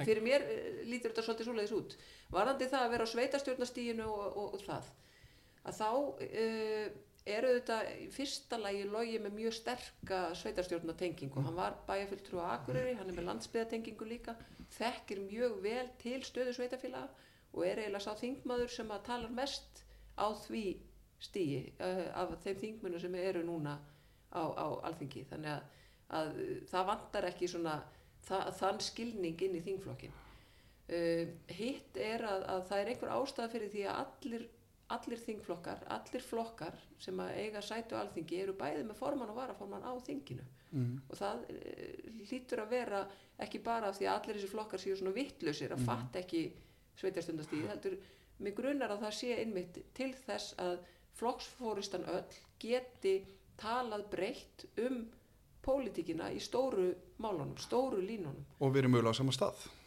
Já, verið á sama stað og unnið saman. Ég menna mm. okkar samstarf hefur bara verið alveg til fyrirmyndar mm. í okkar loga. Við erum góð, við erum eh, gott skap saman en það er líka bara þetta að, að, að sko, fjölmiðlar og almenningur uh, fáið á tilfinninguna að, að fóristan öll sé að horfa í stóru línutnar í pólitíkinni og ég held að það, ég held að það muni styrkja okkur mm. Mér lákar svo að fá smá álit á einu hjá þér. Uh, það er að koma upp núna það er að koma upp önnu bylgja í raun og verið á MeToo í Danmörku núna. Mm og það hefur svona haft tölur áhrif á sýstuflokkin ykkar, jafnaflokkin í Danmörku, það sem að borgarstjórinni nýla búin að segja að sér útærigisráðurinn er í mikilvæg klípu og svo framvegis. Á þessu kjörðubili hafa alveg komið upp máli, menn það er klaustusmálið, Ágúst Ólaður síndi að sér einhverju óviðandi hæðun og svo framvegis bara svona, sérstaklega við bara horfum á ef þú bara, eins og ef þú verið varaformaður og þá hefur kannski meiri tök á að taka á svona málum þannig séð. Hvernig finnst þér við að taka á svona málum? Erum við að taka og veikta á þessu hérna? Ég menna Já sko, mér hefur fundist eh, ef við, við horfum þetta til Danmörkur að þá var það þannig að, að, að þetta mál kom upp uh, með utryggisáðarann og uh, það var bara sagt já, hann er búin að byggja stafsökunar og, og hann nýtu trösts mm. og, og hætti að tala um þetta. Og svo daginn eftir þegar það var alveg ljóst að það var ekki nóg að bregðast svona við það var formaðurinn sem að brást svona við að þá segir hann af sér. Hann, hann kom út af þessum fundi, þessum krísufundi sem hafði átt sér stað og, og hérna, og naut fullst trösts og svo daginn eftir að þá, þá var ljóst að það dugði ekki til. Mm. Uh, mér finnst of oft uh, brenna við að uh, að hérna, neða þetta, já, þetta var borgarstjórn einmitt borgarstjórn, já, já, fyrir ekki rugglaði tillum á Frank Jensen en mér, mér hefur fundist oft sko bregða við að, að persóna í svona svona slag uh, hérna líti á sig sem stærri heldur en embætti sem viðkomandi gegnir. Uh, og við höfum séð þetta ítrekað í ymsum málum hér á landi þar sem að, ég menna, bara legamálið og, og, og, og klausturmál og alls konar, þar sem að einhvern veginn personurnar þær, þær skipti meira máli heldur en, heldur en það að, að embættið uh, njóti virðingar mm. og það slettist ekki á embættið sem er þetta oh. sem er til staðar uh, hitt er svo að mér finnst líka stundum brenna við að það sé verið að gera öðru fólki að bera ábyrð á suppuskap annara, mm. að skiljiði að, að Mette Fredriksen eigi að bera ábyrð á því að borgarstjórin sem er í sama flokki uh, að hún er einhvern veginn að bera ábyrð á hans skjörðum mér finnst það stundum pínu svona ósangjant en er hún ekki formað flokksins jú, en, en sko alveg eins og við höfum talað um hér já. Uh, þegar um er að ræða kjörna fulltrúa já. að þá er, þá er enginn sem getur skipað viðkomandi að fara mm. það, viðkomandi verður bara ah. að finna það hjá sjálfum sér uh, hvernig tökum við á þessu ég menna við, ef ég, ef ég tala bara út frá samfélkingunni mm. að þá er samfélkingin með uh, hérna, innan sinna viðbanda ákveði trúnaðaráð uh, ef að um er að ræða sakamál sem kemur upp innan flokksins eða meðal kjörina fulltrúa flokksins það sem að, það sem að hérna, já, um er að ræða sakamál þá að sjálfsögða á bara það að fara til lögreglu og, og, og, og það, bara, það er alveg skýrt að þá bara segja heyrðu, þetta er bara klárt brot hérna, við, við ráðlegjum þér að fara með þetta þákað en ef, ef um er að ræða svona ósýðsamlega hegðun að þá er, er það tekið fyrir hjá þessu trúnaðaráði og við ákváðum á landsfundi að, að það yrði vettvangurinn eða koma upp svona mál sem eru auðvitað alveg glötuð og, og ég veit að, að þessi ágæti þingmaður sem að þið voru að tala um mm. hann hefur sjálfur talað um það að þetta var algjör lágpunktur í hans lífi og hann bara tók lífsitt til gaggerar endurskoðunar mm. hann, hann fór í meðferð, hann verður ekki drukkið drópa hann, hann bara tók mm. lífið sitt í gegn og hérna og þá verður maður líka einhver staðar að, að virða það mm -hmm. af því að ég taland um hérna það sem að ég var að tala um í byrjun viðtalsins þetta með sko að, að skegnast líka inn í líf vondakallsins mér finnst alltaf pínu vond þegar við verðum sko alveg á öskrinu mm -hmm. út lífið ég, ég þekki fólk sem að hérna, þekki einstakling sem að fyrir sko 30 árum eða meira en 30 árum braut gegn konu. Og uh, sámaður var bara núna fyrir tveimur árum tekinn af lífi í sínum störfum út af þessu, þessu máli sem áttur sér stað fyrir 30 árum síðan þegar hann var bara á unglingsaldri. Það sem hann gerði er auðvitað ófyrirgefanlegt og hræðilegt og hryllilegt og allt það. En ég held að við verðum ekki betra samfélag ef við ákveðum að bannfæra fólk út lífið mm. fyrir slíkt. En sá aðili hann auðvitað uh, misti vinnuna sína 30 árum setna þið vitið. Uh, misti framfærsluna sína gæti ekki lengur framflytt börnunum sínum og borga leigunum sína af því að það kom upp einhver svona stemning að þarna átti allt í hún að bannfæra þennan 30 um setna ég, veist, ég held að við ég kann ekki vel við döðarefsingar þið vitið, En voru okkur viðbröð fyrir 30 árum?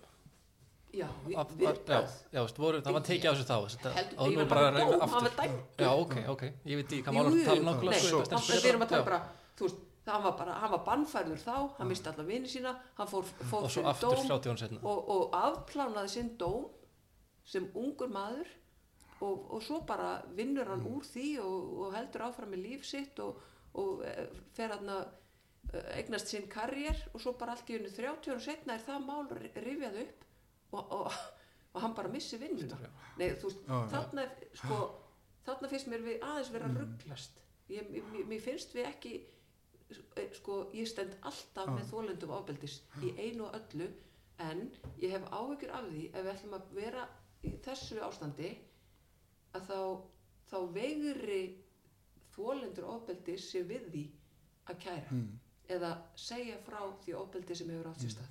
Af því að stundum er þetta, er þetta ofbeldi í nánum samböndum. Stundum er þetta innan fjölskyldna og þegar að þú horfir á að einhver sem að þú elskar sem að vissulega framdi hryllilegan glæp eða eitthvað ósiðsamlegt uh, uh, hérna eða þú, ætlar, þú verður að fá að segja einhverju frá því en þú vilt ekki að viðkomandi sé bara drepin á torgum úti að eilífu. Þannig að þá, þá myndu vantilega sem þólandi hugsaði tvisar um eða ætlar að fara í þessa átt. Þannig að ég, ég kalla svolítið eftir því að við stöndum alltaf með þólendum ábeldis en við förum ekki fram úr okkur og fram úr því sem að þólandin þólir og Svo má mögulega með þess að horfa á það til dæmis viðbrið Ákus Ólafur það sko kannski, ég menna ef við horfum á bara fyrir tíu árum síðan hefði raun og verið kannski ekki gerst neitt skilur þú veist, það er að segja að ég meina, ég meina, var í þessum hópi stjórnmála kvenna sem að sem að hérna uh, sapnaði saman sögum, mítúsögum og sumar voru þetta bara mjög mjög brútal sko. alveg rosalega brútal. En ég meina aftur, þú veist, ég vil bara líka svolítið hafa fókusin á brotaþóla ég meina, ég, ég er ekkit endilega vissum að ég vilji sko vera þekkt fyrir að vera konan sem var ráðist á nýri bæ. Ég ég lendi í því því ég var 17 ára það var ráðist á mig nýri bæ. Og, og ég var sko lamin mjög illa af, af hérna, geðsjúkum manni. En það er ekki sá frontur sem að ég vil að fólk þekki mig fyrir.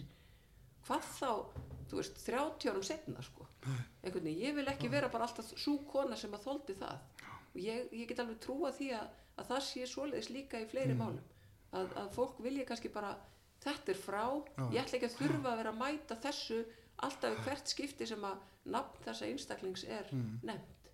Einhvern veginn, ég bara það bara, einhvern veginn það trublar minn bata þú veist, það er eitthvað svoleiðis. það er bara horrið Þannig að, en, en ég meina, ég veit að það er ekki allir samanlega, en svona hugsa ég. Eigum að fara, þegar við fyrir svona alveg að fara að setja hlutan við þurfum aðsatt við þurfum, við komum sér ekki hjá því að tala um stjórnaskrána Já, við þurfum aðeins að fara þar. Ég ætla að, ég ætla að loka klukkanum já, Þú ætlar að veitna, lúka ég ætla að laga klukkanum laga klukkan já sko, stjórnarskráin. Já, hérna, það er býðun öll býðun skellir svona stjórnarskráin Mm. eh, það er eftir að vera að tala svo mikið núna núna eh, og það er talað um sko, ég held að, held að langt flestir eitthvað með sammála að, að það þurfi nýja stjórnarskrá Er en hvort, en hvort við þurfum nýju stjórnarskrána sem við erum að tala um núna í, í þessu formi sko, sem við erum að tala um þessi nýja stjórnarskrán sem hefur ræð, ræðið um undarfarið sko. einhverju vilja breyta stjórnarskráni en gera það öðru sér hátt heldur en þessi tiltekna tiltekna plagg gerir Mhm. hver er þín skoðun að þessu? Já, það eru, fyrsta leið þá eru þetta ekki allir á því að það þurfi nýja stjórnarskrá. Uh, Sum, sumir segja bara, er þessi sem við erum með núna ekki bara fín? Og, og þá uh, bendi ég viðkomandi á að, að lesa stjórnarskrána. Að Stjórnarskrána er samfélagsáttmáli okkar og svo stjórnarskrá sem við erum með núna kom frá danska konginum, var búin til fyrir danst uh, konungssamband og hefur tekið einhverjum breytingum en þó sára litlum þegar kemur það bara stjórnskipan uh, undan fa farin hundrað ár rúmlega það.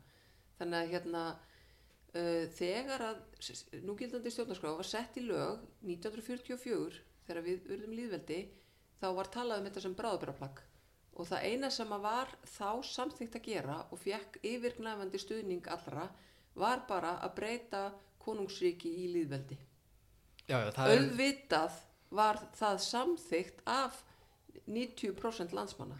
Firman og aldeilis fyrirvera. Uh, síðan þá hafa verið held ég 36 uh, stjórnarskrár nefndir að störfum síðan 1944 og pólitíkinni hefur ekki tekist neitt. Ég meina við settum inn mannreitindakablana því að við vorum aðilar að mannreitindasátmála Evrópu og settum inn þann kabla eins og öll önnur ríki voru að gera e, í Evrópu á þeim tíma og það var nú ekki mikið, mikið deilu efni að setja inn í stjórnaskrána þennan kabla sem að, sem að var í, í mannreitindasátmálunum sem var orðað lögum. Þar að segja um bara hérna jafnrétti, jafnræði uh, tjáningafrelsi uh, uh, hérna einstaklingsfrelsi frelsi, þið vitið, allt þetta uh, sem að skipti mjög miklu máli. En þegar kemur á svona grundvallar atriðum eins og til dæmis uh, að kjósendur í norðvestur kjördæmi séu ekki með 2,5 atkvæði á við kjósendur í suðvestur kjördæmi þar að segja þeirra atkvæði gildir bara miklu minna heldur en atkvæði þeirra sem bjó, búa í norðvestu kjördæmi það er er réttlætt í því. Það, það, er, það er mjög skrítið að sé þannig. Sama með auðlindirnar okkar að það sé ekki skýrt ákvæði í stjórnarskrafni með auðlindirnar.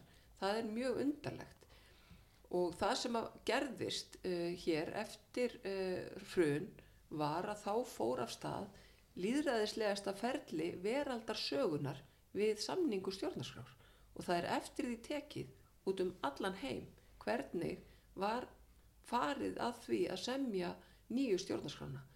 Í fyrsta lagi þá var farið í það að kalla saman þúsund manna þjóðfund, fólks úr öllu samfélaginu sem var valið eftir slempi úrtaki sem þýðir bara að þjóðskráin er bara, hún er bara hérna, lögð á borðið og það er passað upp á að það komi fólk af öllu landinu og öllum aldri og svo framvegs. Þúsund manna úrtak. Og ef einhverju sögðu nei, teki ekki þátt að þá var bara farið og leitaða næsta til þess að fylla upp í þetta þúsund. Og uh, þau sátu heila helgi og rættu um þau gildi sem að þeim þótti mikilvægt að hafa í samfélags sáttmála því að þetta eru þetta svona okkar sáttmáli, hvernig við viljum byggja upp Ísland mm -hmm. og aðfarar orðinu þetta eru mm. mjög lýsandi í nýju stjórnskránu ég hvet ykkur til að lesa þau, þau eru mjög falli og innihaldsrík Nú eftir þetta þá var sett af stað uh, stjórnarskrár nefnd sem að var svona svolítið handvalinn til þess að vinna úr þeir, því starfi sem að hafði átt sér stað þarna á þjóðfundinum. Eftir það er svo uh, kosið til stjórnlaga þings uh, og þa það var ógilt af hæstarétti af því að skilrúmin voru ekki nógu há. Uh, þannig að, að sá... Lengkostninga eitthvað, eða ekki? Já, skilrúmin í, í, á kjörstöðunum voru ekki nógu há mm, á, á einhverjum stöðum. Og uh, sko það sem hafa gert það, það voru svona 500 manns sem að buði sig fram til stjórnlegaþings uh, 25 voru kostnir hæstirittu dæmdi kostninguna ógilda út af skilrómónum þá tók þingið við og skipaði þessa sömu 25 bara í stjórnlagar áð og þegar að vera efast um umboð þeirra þá er það ekkert minna umboð mm. heldur en þær 36 nefndir sem hafa verið að störfum undanfærin hundra ár. Það er ekkert minna umboð. Það er alþingi Íslendinga sem er þjóðkjörið mm. sem að skipa þessa 25 og það greitu allir atkvæði með. Þannig að þau sátu í fjóra mánuði og sömdu þetta plagg og þetta plagg er sko millir 80-90% algjörlega sambarlegt við núgildandi stjórnarskrá. Hinn 20% eru nýmæli. Þar að segja það talað um uh, mikilvægi fjölmiðla og vernd fjölmiðla. Það talaði um uh, náttúruna. Það talaði um auðlindir Íslands og, og svona, það eru svona atriði sem eru algjör grundvöldar atriði mm. og að láta eins og þetta sé einhver bilding á stjórnskipan Íslands það eru þetta bara slík öfugmæli að þetta er, segir mm. enginn nema sá sem hefur ekki kynnt sér Brynjar Níels sagði það heimt Já, hann segir það, hann, hann vil meina að það sé verið að bylta stjórnskipan Íslands. Mm, hva, ég meina maðurinn er löglærður. Hvað, hvernig dettur hún með huga að tala svona? Hvað hann með þessu? Ég hva? veit það ekki, það er bara því að, að, því að það er sett í stjórnarskrána að það geti 10% 10% hérna uh, kostningabara manna getur farið fram á þjóðaratkvækreislu í einhverju. Og þá skulum við velta fyrir okkur. Hvað þýðir það?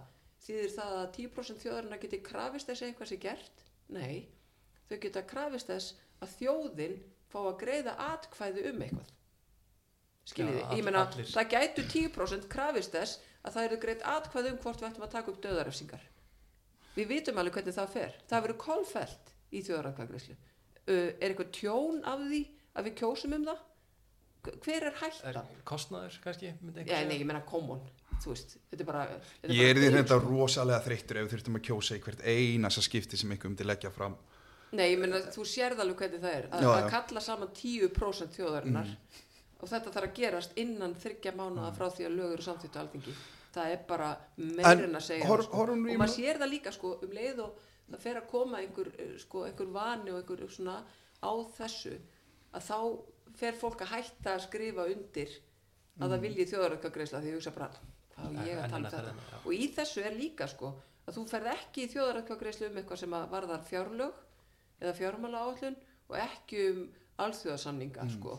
Ekki svona sem að hérna, við erum skuldbundin af En ég á, ég meina nú er Katrín Jakobsdóttir, hún er að leggja til breytingar á núverandi stjórnarskrá. Það er alveg að leggja ákvæði með auðlendar ákvæði, það er náttúruvernd, lögjafavald og svo framvegis. Er það ekki, ég meina, erum við ekki þá búin að búin að fylla í sér 20% og... Já, ég samt velti fyrir mér við fórum í þetta ferli og það var þjóðratkvæðgreisla um það hvort að uh, þjóðin vildi að þetta plagg sem var unnið í fjóra mánuði og yfirgnæfandi meiruluti sagði já takk, við viljum það.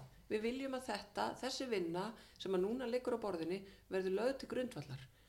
Þetta var ágefandi þjóðratkvæðgreisla en það hverlar ekki að nokkrum stjórnvöldum í, í hinnu vestrana samfélagi eh, hverlar ekki að þeim að, að virða vettu í þjóðratkvæðgreislu eins og þessa. Og mér finnst í rauninni algjörn neysa að hún ákveði einhvern veginn að handu velja að eigin gert þótt að þau ákveði sem á að laga í stjórnarskroni hvað er það? En auðvitað, henni er frjálst að leggja hvaða frumvarp sem er fyrir alþingi, ég meina hún er í fyrsta lagi þingmaður og í öðru lagi fórstisáþra, en ég bara svona velti fyrir mér þessu líðræðislega ferli, að láta bara eins og þúsund manna þjóðfundur, uh, stjórnlaganemnd, stjórnlagaráð, uh, stjórnarskrárnemnd, uh, öll vinna sem áttu sér stað í stjórnskipun og eftirlitsnemnd, atkvæðagreisla meðal þjóðarinnar, að hún hafi ekki átt sér stað, mér finnst það bara, mér finnst það algjört virðingaleysi, gafart alfningi og kjósundum. og líka þess að tillögur sem hún leggur til og það komið svo oft fram og oft ítrekka að hún leggur fram í eigin nafni Já, getur tólkað þannig að hún sé ekki með stuðning ríkstjóðunar bak Já. við þessar tillögur já. Ég held að við getum tólkað þannig. Ég held að það sé alveg morgun ljóst. En það uh, var á einum fyrsta fundinu sem að var haldin í þessu, þessum hópi sem að hún uh, setti af stað, þessum hópi formanna uh, hérna, stjórnarflokk, eða hérna þingflokka. Nei, ekki formunum þingflokka, formunum stjórnmálaflokka er sæ, eiga sæti á alþingi. Um það rétt. Eh, Já, af því að formen þingflokk er, er annar titill sko. Hérna, en þá hérna e, á einum af fyrstu fundunum í þessum, þessum hópi e, þá lagði Bjarni Ben fram bara fyrirvara um að, að hann teldi sig ekki skuldbundina af því að, að lúta neinu sem að þarna gerðist sko. þannig að svona línan var lögðan sér snemma af, af halvu eins af stjórnarflokkunum. Sem að auðvitað hefur staðið gegn breytingum á stjórnarskránu frá mér það er að segja sjálfstæðarflokkurinn og þannig eru hagsmunir, fjárhagslegir hagsmunir einstaklinga í húfi. Og það er það sem að stýrir gjörðum þess stjórnarflokks, svo ég bara tali íslensku. Já, gjöru svo vel. betur. Heyriði, þetta er nú eiginlega... ég er heit í þessu máli. Já, Já, já, það heyri það, það er líka gaman að dræða um þetta mál. Ég er ekkit endilega á því að, að öll ákvæðin þann inni séu mér þóknarleg. Ég var alveg til að hafa það einhvern veginn öðruvísi. En við fórum í þessa þjóðræðflakarislu og við getum ekki bara hunsa hann. En er einhverja breytingar sem myndir vilja fara, ég meina, ef þetta myndi fara, ég meina það, þú veist, veist, ætti nú ekki, ætti ekki þessi nýja stjórnarskrá að fara í einhvers konar efnislega umræðu og ég meina, er ekki einhverja breytingar sem myndir vilja breyta? Við Ég erum meina, búin að leggja þe- þessa stjórnarskrá eins og hún stóð eftir vinslu feneiðnefndarinnar og eftir vinslu uh, stjórnskipun og eftirlisnefndar á þingi. Uh, við erum búin að leggja það frumvarp mm, uh, fyrir þingi núna í þrýgang og hérna og það, það, er, það er komið fram enn eins og fer núna inn í stjórnskipun og eftirlisnefnd. Er einhverja breytingar þar sem eru, Nei, við Svona leggjum ekki til breytingar uh, þegar við leggjum það fram. Nei. Við einmitt virðum Þið virðið bara á- nýju stjórnarskrá? átti, átti stað, nei, já, sagt, nýja stjórnarskráin tók breytingum í meðferð þingsins og það er það plagg sem við uh, leggjum fram til þess að það geti bara aftur farið mögulega á, þegar breytingur er núna þar inni við bara ég ætla ekki að stjórna því einn þetta fer bara hérna, í hérna þinglegu meðferð í vetur og vonandi kemst það bara Já. á leiðenda En ég menna, svo eru þarna, ég menna, svo eru samt, ég menna, hlutir í þessari nýju stjórnarskrá sem eru líka, ég menna, það, það er, það raun og verið ekkert talað um aðskilna ríkis og kirkju Nei, í nýri stjórnarskrá. Ég menna, væri ekki nýja stjórnarskrá mun meira sexy ef að það væri þar bara aðskilna ríkis og kirkju og, Þetta er mjög góða punktur. Já. Ég nefnilega er með á þingmáli um aðskilna ríkis og kirkju en niðurstað þjóðratkvæðgreisluna hins vegar var gegn því að í stjórnarskránu væri talað um aðskilna ríkis og kirkju. Þá verð ég bara að býti það súra efli að þjóðin hefur kosið. já, Ég er ósamála því ákvæði. Ég held að það veri betra fyrir kirkjuna að, að, að vera ekki hérna að, að vera ekki svona tengd ríkinu. Ég held að það veri betra. Já. Þannig að hérna, það er mín skoðun Já. en ég ætla ekki að, ég ætla ekki að sniðganga vilja þjóðar. Þannig að ég vil bara lúta, lúta þeim vilja. það er bara þannig. Prinsip. Prinsip, Já. heyrðu, við lögum smá heimavinna það ekki? Jú, við lögum smá Já. heimaðinu Helga Hérna Ef við ekki byrja við, við, við, við vildum fá þið til að hérna, stilla upp drauma ríkistjórn og sem sagt, með, með aðeilin sem eru ekki tengdir stjórnmálastarfi eða stjórnmálaflokkum fyrir geðu að, því að annars myndum við vel, velja bara flokkið hinn í alla stöður sko, en til að fá svona aðeins skemmtilega umræðmyndi þá lögðan hann fyrirvara að þetta er ekki fólk sem er í flokkum þannig að já, hvað hver, hver er þín niðurstaða? Já, þetta var mjög skemmtilegt verkefni hérna, en, en pínuflókið en ég uh, ákvaða að hérna, horfa á, á svona þau viðfáksefni sem hvert ráðniti er með og, og velja alls konar fólk sem að mér hefur fundist tala skinsamlega uh, á opinberum vettfangi en lendir samt í hérna, einhverjum smá svona vandræðum uh, en en ég skal byrja. Hérna í fósættisræðandið á að fara Katrín Oddsdóttir. Hún hefur uh, mjög mikið vit á stjórnskipan og hefur samanburð og, og er bara spruðlandi klár kona. Hún er mjög, hún er fjölgreind kona. Mm. fjármálaráð þeirra verður Guðrún Jónsson hún hefur uh, viðtæka hagfræðþekkingu uh, og er með hjarta á réttum stað þegar kemur á jöfnuði og jöfnrétti og ég bara já, ég er mjög hrifin af hennar framsetningu. Í heilbreyðsræðandið er uh, setið ég önnu Sérun Baldurstóttur, hún er uh, núna aðstofamaður forstjóra landsbítala, hún hefur uh, mikla þekkingu innan á heilbreyðskerfinu, er hjúgrunafræðingu sjálf og, og hefur líka starfað sem aðstofamaður ráðherra hér fyrir áratögu eða svo sem inn í heilbreyðsræðandinu, hún þekkir stjórnkerfi vel og, og heilbreyðskerfið allt og er svona já, mér finnst hún svona vel, vel þengjandi þegar kemur að, að lausnum og, og svona nýsköpun í, í heilbyrðiskerfinu og er ekki svona kredduföst. Uh, Utrækisráð þeirra Bjarni Már Magnússon, hann er líka stjórnskipunar spesialisti, hann er líka hafréttar sérfræðingur sem er gríðarlega mikilvægt þegar kemur að utrækismálum svo er hann bara rosa skemmtilegu maður hann er mjög fyndin og körubálta áhuga maður þannig að það skiptir mjög miklu máli Er hann valsari líka? Nei, hann reyndar ekki valsar en ég er að vinni því.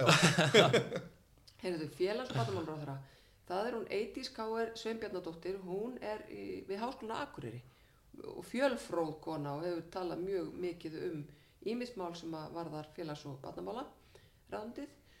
Dómsmálaráðherra er Kolbrún Benditsdóttir, uh, hún er saksóknari og, og fjölgreind, hún hérna uh, þekkir uh, ákjæruvaldið út og inn og, og hefur miklar meiningar um hvað má betur fara þar.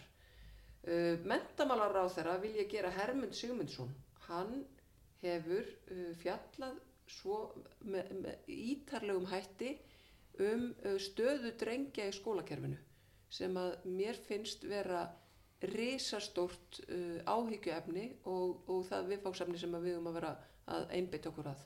Vantar kannski í hann hérna, tenginguna við menninguna en e, ég bara hjálpa honum við það. E. Kemur hann í körubótan líka. Herðu, umhverfisráð þeirra Andri Snær Magnason hann uh, er náttúru hérna unnandi, hann er loftslags uh, sérfræðingur, hann er sérfræðingur í rusli þar sem plast er, er sko, það er meira plast, verður meira plast í heiminum heldur um fiskar eða aðra lífverur eftir nokkra áratugi og, og hann hefur náttúrulega bara uh, svo viðtaka þekkingu á, í, í þessum, á þessum sviðum. Atvinnuvega og nýsköpunaraðandið. Þarna verður við að horfa meira á nýsköpun og nýsköpun er ekki bara eitthvað, eitthvað svona óskilgreint út í, út í e, bláin heldur er nýsköpun fléttast inn í allt okkar atvinnulíf, nýsköpun í landbúnaðin, nýsköpun í sjávarútvegi og svo framvegs og framvegs. Þar e, þanga vil ég setja Jóhannu Vítis Guðmundsdóttur sem hefur komið víða við og er núna e, hvað framkvæmtastjóri í Almanarómi sem er að búa til íslenskan hugbúnað.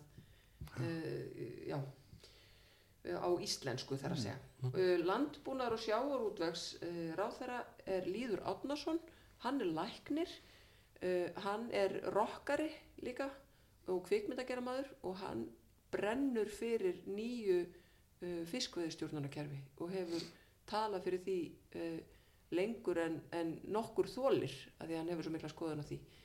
Þannig að hérna, þess vegna vil ég setja hann þangað, læknin sjálfan. Já, Já. Rosa? Jú, hérna, þetta var mjög, var mjög líka, þetta var mjög þetta var svona nákvæmt og flott já, og eins og þú veist, og ekkert einhverja popstjórnir sko. eða Nei, það er bóða lítið popstjórnir Engin mammut Nei, sko, kannski skipti ég mentabalræðandinu milli Hermundar og, já, og, sko, og Katrínu Móansen Hvernig, hvernig líst þér það? Ég hef alltaf haft aldrei sko mjög, af því að mér langar svo að vera bara menningamálar á þeirra, ég held að það sé svo gaman sko, og það væri mjög flott held ég, einmitt að skipta Já, ég, ég er sammála. Fjölgur ráður. Fjölgur ráður, absolutt, ekki spurning. En hérna, að þú minnst á andarstæði umhverfisarlandið og hans vitneski á plasti, Já. Það kom nú ansi áherskt málöfnum núna í vikunni með hérna, terra og, og molduna þeirra í Krísvík og það, hérna, Guðmundur Ingi hjálpaði því að vera til með einhverju, einhverju, einhverju löggjaf sem hann laði í gegn sko og svo kemur nú í ljós að þetta, þessi molda var ekki siktu nú mikið og það var bara dreift plast út um allt. Nei, það var ógeð. Þessi frétt var svakaleg. Já hún var alveg rosaleg það voru bara þarna plastnýfabör og, og, og plast utan af livjum og, og ég veit ekki hvað og hvað sem var dreift þarna um þetta svæði Grísvík. Þetta var svakalegt. Mm. en auðvitað ég ætla nú ekki að grilla endilega Guðmund Inga því hann vissi þetta ekki á þeim tíma sem hann er að veita þessi velun en mér finnst bara svo skrítið að fjölmýrar hafi ekki bara rekið mikrofónin fram hann og sagt bara jæja Guðmundur hvað er að freda? Já, svo er líka svo skrítið að þetta fór ekkert mikið herra sko, þetta hefur ekkert farið mjög hátt Nei. per se sko, þetta er grav alvarlegt mál sko. Þetta er bara rosalegt, mm. þetta er rosalegt mál hvað, þú veist, og hver, og hver ætlar að reynsa þetta? Mm. Ætlar, ætlar ríkistjónin að sjá til þess að þetta verið reynsa? Þetta bara að það fíkur bara um Góð spurning, það er hérna, terra, terra sagði með til sínu viðbyrðum að senda ykkur að plokkara til að taka þetta upp, en maður veit ekki hversu vel Nei. það tekst til en þetta er alltaf bara stort klúður frá aðtölu þetta er bara líka. svo mikil mengur sko, þegar svo fíkur þetta bara að hafa út. Og þetta er gert líka í því í undir merkjum sko hvað þetta er umhverfsvænt og flott sko. En ég menna þá kemur bara eina borða og plokkar þetta í byrtu og bara meina, er, er svona auðvelt að ég stimpla bara eitthvað sem græn lausn og þá er þetta bara samtitt að fara í gegn? Er ekki þetta skoðað betur og hafið málið ég, ég veit ekki hvað hefur gerst þarna. Þetta er allavega, en mistök ég menna það ger allir meðstök en við þurfum að, að bregðast við hratt og öruglega áður en að þetta verður meira tjóna þessu mm. klárlega Absolutely mm -hmm. Svo líka langar að vinnast að það er enginn og þrýginn hér í ríkistöndinni ég bjósti að sjá þá bara í náðast öllum stöðum sko. Já, sko, ég held bara að það sé svo mikil vinna að vera í svona ríkistjórna ég vildi ekki vera að, að, að draga þau þann inn þau hafa nóg með það að vera þrýgið Jú, jú, ég menna að ég veit ekki uh, það væri þá helst Alma Möller en ég held að hún sé bara stór fín, fín landlæknir. Já. og svo líka vilja þau bara verið langt og gott frí held ég sko þegar kannski COVID er búið. Já, ég held að það væri ofbeld í raun og veru að fara að henda þeim í ríkistjórn svo eftir þetta sko. Já, já, já, vel Heyri, það var eitthvað fleira sem við lögum til að ekki? Herjá, svo hérna, er það að fara vinstri til hægri.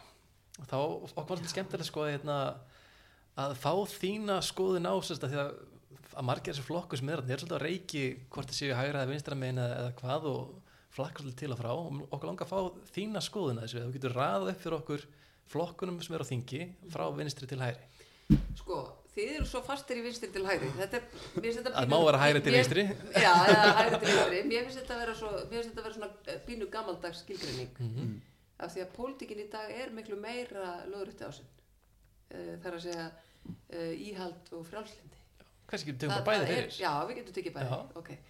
Eh, Hérna, varðandi sko vinstri hægri, að þá held ég að hérna á þeim ás, þá erum við með miðflokkin ist til hægri. Íst til hægri, já, það er áhvert Miðflokkurinn er alveg lengst til hægri, það er, það er ekkert vinstri hjá þeim held ég, bara, bara alls ekki neitt sko. stendur ekki til nafni Ha, stendur ekki til nafni nei, guðmengóður, nei, nei, nei. Eh, Þetta er bara svolítið eins og í Danmörku, þar sem að venstri er hægri Einmitt. flokkur sko.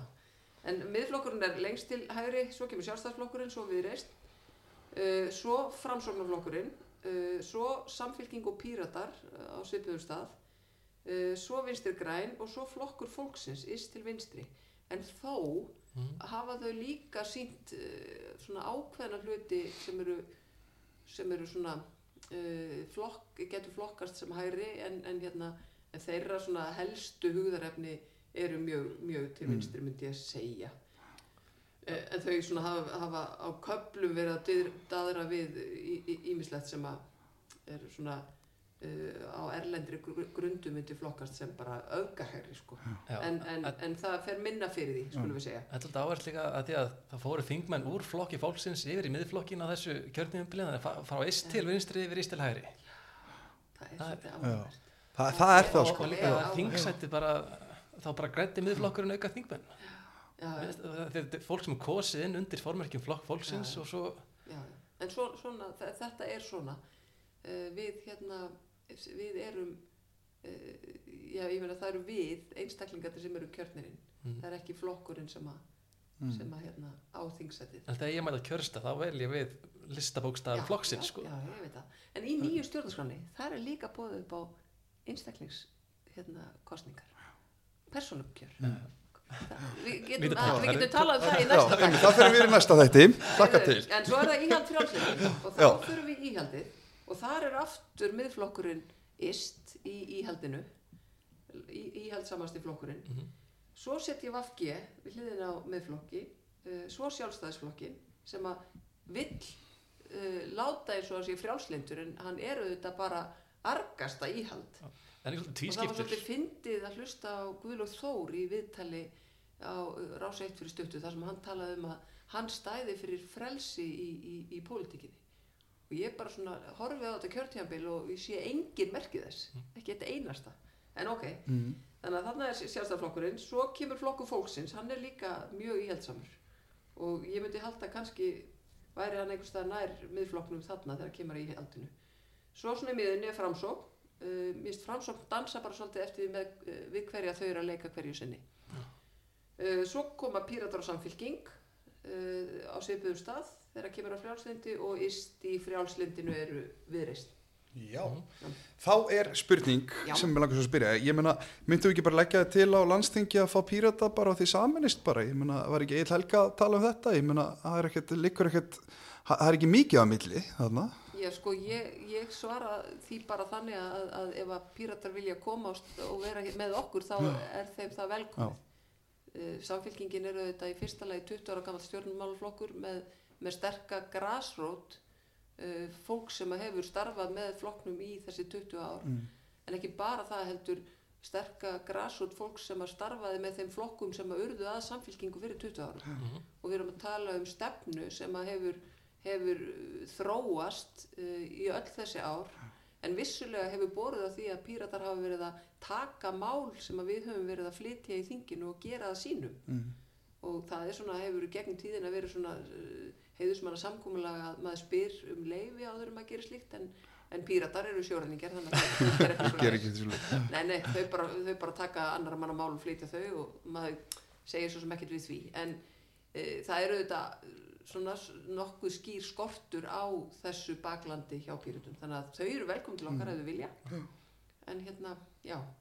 Og, En, og þau slepp- eru ansi lík okkur á mörguleið. Já. ef við sleppum þessu saminningar pælingu þá en hvað með kostningabandaleg það Já, sko, ég hef í gegnum tíðina verið svolítið skotin í svona kostningabandalagi. Svo horfði ég á uh, svona katastrófu í, í þá veru þarna 2016 þegar var veginn hlaupið að staði eitthvað kostningabandalag, eitthvað lækjabrekku, eitthvað á Birgitta og ég man ekki alveg nákvæmlega.